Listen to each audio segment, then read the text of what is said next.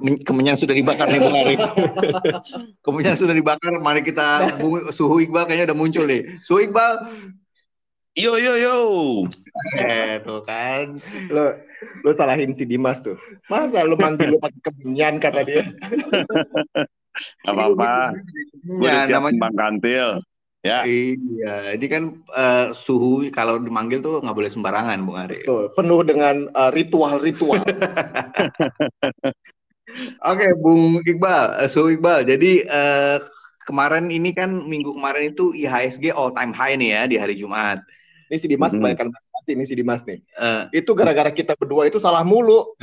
Bal, Kenapa memang, Bro? enggak, kita masih oke lah. masih ada masih ada Ada benernya, benernya ada benernya. Terus US rupiah kan kemarin, nah kita salahnya di US rupiah.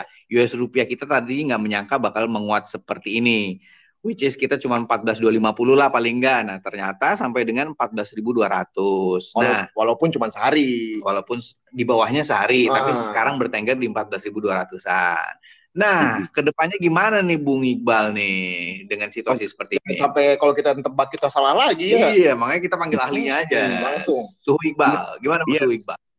Jadi eh, gua kan ngikutin terus nih Baskom, P- eh, POD-nya, apa namanya podcastnya, dan gua gua ngelihat sih sebenarnya bukannya salah sih lu berdua ya, cuman mungkin eh, kecepatan ngetracknya. Eh, Tuh. baik banget lu. Komen lu kom- komen lu tuh positif dan baik sekali lu. Bal, thank you lo, Bal. Enggak bener bener bro. Jadi lu kecepatan tapi once once lu ngadain eh, podcastnya mungkin eh, lebih lambat dua hari, lu bisa lu bisa nge-track pasti ke situ gitu. Kecepatan aja podcastnya itu doang gue lihat. Nah, oke. Jadi jadi gue ngelihat begini nih bro. Eh, untuk teknikalnya setelah fundamental tadi lu udah jelasin di awal dan gue cukup eh, quite eh, positif lah itu semua maksudnya itu itu memang kejadiannya memang fundamentalnya itu karena yang podcast sebelumnya gue coba kasih tahu kalau teknikal itu kebentuk dari fundamental yang lu udah bawain tadi gitu ya. Nah, sip. Eh, untuk US eh, rupiah di tengah kecenderungan dolar indeks yang menguat, gue masih melihat bahwa kenapa sih eh, dolar indeks menguat tapi rupiahnya nggak ngefek tetap menguat begitu ya? Dolar indeks menguat berarti harusnya dolar menguat ya, eh, Bang Iqbal ya. Tapi ini ternyata- Betul. Juga menguat malah. Nah, akhirnya Hmm. balik lagi nih. Kalau kita ngomongin dolar indeks terhadap major currency. Bener ya, harus dikotakin dulu tuh. dolar Iya, indeks memang sangat berkorela- berkorelasi dengan major currency. Di situ ada EGAN lah dalamnya, Euro, GBP, Aussie, New Zealand lah gitu ya. Akan Hmm. tetapi kalau kita ngomong negara berkembang, khususnya emerging market Indonesia, kenapa sih rupiah masih tetap melanjutkan penguatannya bahkan cenderung stabil sekarang? Ya. Ya, berarti yang lu omongin yang lu omongin fundamental itu bahwa eh, eh, ekonomi Indonesia cukup kuat dengan data eh, naik signifikan. Dan dan Ya. Bung Arief tahu nggak kalau kalau ekspor kita ini sebenarnya eh apakah kita pernah di angka segini apa sebelumnya pernah lebih tinggi? Ini kenaikan yang kemarin, Kenaikannya Yes. atau Yes. ini udah tertinggi kali? Enggak. Yes, betul. Ini udah tertinggi sepanjang sejarah. Kita punya ekspor bagus banget. Nah, berarti masuk tuh. Jadi poinnya adalah pada saat kita ekspor keluar, kita dapat bayaran nih dari luar nih. Ini ini fundamental yang tadi Bro Arif sama Bro Dimas kasih tahu. ya. Dapat bayaran Oke. dari luar, berarti nambah nih di dalam yang yang kalau kita sebut itu di ekonomi kalendernya adalah money supply-nya kita nih. Ya, duit Hmm. beredar banyak nih gitu. Jadi eh, dari sisi fundamental udah cukup signifikan yang yang yang bisa kita bilang kategori eh, dolar indeks menguat tapi rupiah ikut menguat karena money supply-nya bagus dari luar, dapat pembayaran Hmm. lebih besar dari sisi ekspor. Oke, lanjut ke teknikal. Untuk teknikal sendiri, kalau eh, rupiah kita bisa break di bawah 14.200 sampai 14.220 yang Iya. chartingnya nanti Bro Dimas bisa share ya di situ ya. Siap, Ya. siap. Yes, berarti kalau dia bisa break di bawah 14.200 dan 14.202 14.220 kelihatan tuh udah. Berarti kalau di bawah itu 14.130 udah pasti main di situ tuh. Oh. 100%. 100% pasti akan bermain di 14.130-an.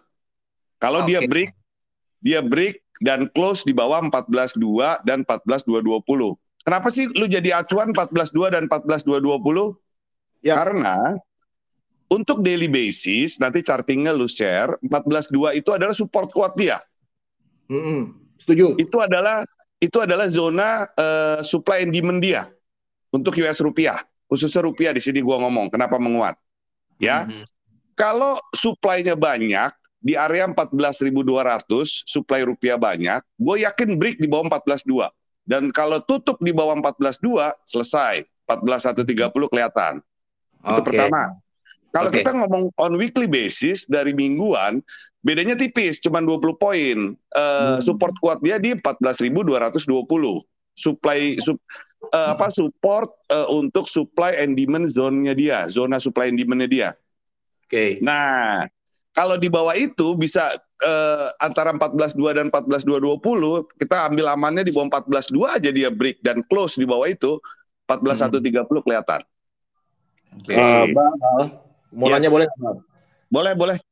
Jadi ini bro, kalau tadi kan kita ngelihatnya itu ngejarnya uh, bottom bottomnya itu di 14.220, 14.200 yang kita sebutkan sebagai uh, support kita harian maupun mingguan.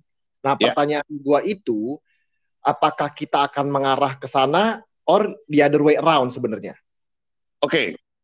Eh, fundamental yang ke- tadi lu udah sebutin di awal, mungkin ada penambahan sedikit karena menjelang eh, window dressing ya. Kita udah sama-sama tahu nih window dressing nih.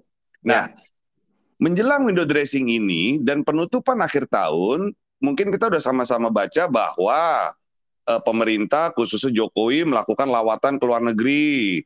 Erick Hmm. Thohir sebagai Menteri BUMN berusaha untuk melobi agar dana-dana SWF bisa ditambahkan dan bisa dialokasikan ke eh, proyek-proyek strategis di Indonesia. Intinya adalah eh, dua dua lawatan ini antara Jokowi dan Erick Thohir saya melihat cukup berhasil sampai hari ini. Hmm. Luar biasa. Untuk menarik Yes. investor ya. Betul, untuk foreign direct investment baik melalui SWF maupun melalui INA ya.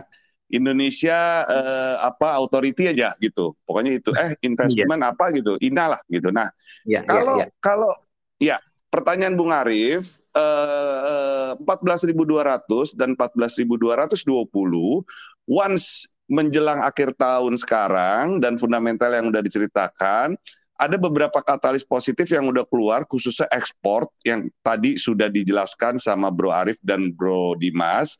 Saya melihat saya cukup positif kalau ngelihat fundamentalnya dan cukup positif kalau ngelihat teknikalnya. Oh, oke. Ya, Sip. jadi jadi jadi dua hal yang yang menurut saya cukup cukup eh, membuat saya optimis kalau Ya. rupiah bisa eh, di break di bawah 14.200. Jadi secara teknikal fundamental mendukung 14200 break ke 14130 ya, Mbak Su Iqbal ya. Ya, Sip. betul. Mantap. Betul. Sekarang IHSG gimana nih, Bung? Eh, lanjut eh, US rupiah sedikit aja. Tapi Oh, nah, ada ada ada ada tapenya nih. Lanjutin dulu sih. Iya, betul. Betul. Iya, iya. Gua gua gua baru kasih yang manisnya. Nah, tapi nah ada tapinya nih. Ah, Once eh, once ini terjadi perubahan eh, pembalikan arah dengan catatan bahwa eh, partner dagang terbesar kita selama ini kita udah sama-sama tahu bahwa eh, China partner dagang kita terbesar ya. Oke. Hmm. Kalau terjadi apa-apa di China eh, dengan perubahan iklim, dengan pasokan eh, Batu bahan baku yang ya pokoknya yang, yang sudah dijelaskan sama Bro Dimas dan Bro Lala, kemungkinan besar apabila terjadi ma- kemampetan ekonomi di China lagi, otomatis Oke. kita Hmm. punya eh, rupiah akan eh, melemah secara eh, jangka pendek. Nah, kita ngomong resisten berarti kalau kita ngomong pelemahan rupiah. Oke. Oke, pelemahan rupiah sampai akhir tahun saya melihat resist atasnya hanya di 14.350 sampai 14.370. Seperti Hmm. yang kita omongin waktu itu dengan Bro Dimas dan Bro Lala bahwa US rupiah kalau teman-teman buka podcast sebelumnya ada di 13.446. Eh sorry, Hmm. 14.446 paling atasnya dan Iya, iya. 13 eh 14.350 untuk Iya. daily-nya waktu itu. Nah, karena ini sudah bergerak di mendekati 14.2, jadi yang kemarin jadi daily resistnya, eh sorry, jadi ya sorry, jadi daily resistnya sekarang jadi jangka pendek di 14350 sampai 14370. Itu resist atasnya ya, teman-teman. Boleh perhatikan itu karena uh, pada saat terjadi pembalikan arah, teman-teman tahu harus mau ngapain. Dia hmm, break okay. Dan close di atas 14350 sampai 3370 berarti sudah sudah bu, bu, sudah bubar pestanya. Penguatan oh. rupiah bubar dulu. Oke, okay, oke. Okay. Siap, siap, ya? siap. Hmm. Nah itu resist atasnya. Oke, sekarang hmm. apa eh, ISG ya tadi ya? Betul. Gimana nih, Bung Iba ISG? Pertanyaannya apa dulu? Ini all time high nih. Nah, bakal hmm. lanjut gak nih? So, Dimas, Dimas soalnya dananya masih banyak banget kan ya. Iya. Bah, jadi apakah masuknya ke saham lagi mau gitu atau gimana mendingan? Duit belanja belum belum habis, Bung Iba. Oke. okay. Jadi gini, uh, seru nih. Kalau kita ngomong teknikalnya untuk indeks, memang penguatan indeks akhir-akhir ini tidak dibarengi dengan volume asing yang signifikan. Beda nih, kita ngomong Oktober, waktu kita kemarin FOMC meeting di bulan November awal, saya melihat bahwa volume asing cukup besar di bulan Oktober sepanjang tahun 2021. Nah, makanya di November saya yakin bahwa uh, indeks bisa uh, break all time high dan uh, sky is the limit. Nah, sekarang beda nih kita ngomong lagi. Karena okay. tidak dibarengi dengan volume asing yang cukup signifikan dan memang ada beberapa fund manager besar yang bermain di reksadana saham dan isinya adalah saham-saham big cap. Banyak nih orang-orang yang ngejar uh, uh, sorry ya, bukan orang-orang yang ngejar. Uh, para market eh saya nggak bisa ngomong ke situ deh uh, gimana ya? Uh, cara ngomong gimana ya? Aduh aduh aduh takut salah. Takut salah nih takut salah. Sebentar sebentar. Gini jadi tenaga penjual nah itulah yang bagus. Tenaga penjual yang banyak uh, submit di beberapa reksadana saham karena mengejar uh, alih-alih window dressing akhir tahun. Nah oh. pertanyaannya atasnya berapa dan apakah masih kuat lanjut untuk minggu depan, saya melihat sudah mulai terbatas penguatan hmm. indeks. Ya. Terlebih di level teknikal terbentuk namanya divergen di atasnya. Hmm. Ya. Dan penutupan indeks di 6720 kemarin sebenarnya sudah melebihi target resist saya untuk all time high kemarin di 6793. Jadi 6715 sampai 6720 nanti Bro Dimas bisa sharing chartnya itu sebenarnya udah resist atas. Kalaupun mau menguat penguatannya udah terbatas sampai 6775 6785. Nah, itu perlu oh. dicatat tuh teman-teman yang dengerin nanti. Iya, iya, iya. Nah, eh, kalaupun akhir tahun indeks itu kuat nggak sih di 68? Kuat. Bisa. Oke. Baru mau ya. nanya, udah jawab aja. Betul. Atasnya 6835 sampai 6850. Level hmm. masuk di berapa sih? Kalau sekarang saya tidak uh, suggestion untuk masuk. Hmm. Nah, level masuk terbaik pertama support untuk dua bulan terakhir di 2021 ada di 6610 sampai 6625. Itu wow. support satu dia. Jadi kalau mau hmm. masuk, coba alokasikan porto. Kalau mau masuk 50% boleh, maksimum lebih dari itu teman-teman harus ngitung resiko dan reward. Setidaknya hmm. 6610 sampai 6625 adalah support dia yang dia mau kejar setelah penguatan uh, break dia punya all time high. Gitu Dimas. Oke, jadi sebenarnya penguatan terbatas walaupun 6.800 setidaknya mungkin masih ya sampai dengan akhir tahun ya. Ya, optimis saya. Tapi oh. di satu sisi uh, ya potensi penurunannya juga uh, cukup tinggi ya. Betul, karena kalau kita ngomong indeks, tidak semua reksadana saham itu uh, memiliki benchmark di indeks. Contoh, indeksnya naik tajam kayak sekarang belum tentu reksadana yang teman-teman pegang itu bisa uh, sama lah dengan benchmarknya indeks karena mereka harus ngeliat lagi dalamnya yang mendukung indeks bisa naik sampai 6720 itu apa sih sektornya? Nah, itu sih sebenarnya. Lebih ke situ sih. Bro Iqbal, gue mau ya. kan barusan gue lihat nih yang apa yang lu kirim ke Dimas gitu kan terkait hmm. sama chart-chart yang lu pakai gitu. Hmm. Nah, yang menarik itu lu di situ naruh emas sebagai ya. sebagai lu punya parameter gitu. Boleh dijelasin ya. nggak ya. kenapa ada emas di parameter lu, uh, Bang? Oke. Okay. Emas itu uh, emas itu kayak joker. Emas itu dua muka. Dalam artian kayak joker, dia bisa menjadi outperform, bisa jadi bagus pada saat sebagai sarana pelindung dari inflasi. Kita ngomongnya hmm. hedging lah gitu ya. Dan emas itu juga bisa bagus kalau terjadi masalah dengan dunia, khususnya ekonomi, pandemi kemarin. Ya. ya, ya. Jadi emas itu dua muka. Betul. Kenapa gue masukin emas? Karena emas ini sekarang lagi coba untuk tes tertingginya di eh bu, sorry tes resistnya di 1910 per troy on dengan catatan ekonomi di US mengalami stagflasi, inflasi ketinggian, tapi tidak diikuti, diikuti dengan uh, eh, GDP-nya dia yang membaik, tenaga kerjanya yang membaik. Nah, Dua hari belakangan ini ekonomi kalender di US mulai membaik nih dari sisi retail sales, dari sisi uh, jobless claim itu mulai membaik nih. Emas hmm. sudah mulai sedikit-sedikit pudar.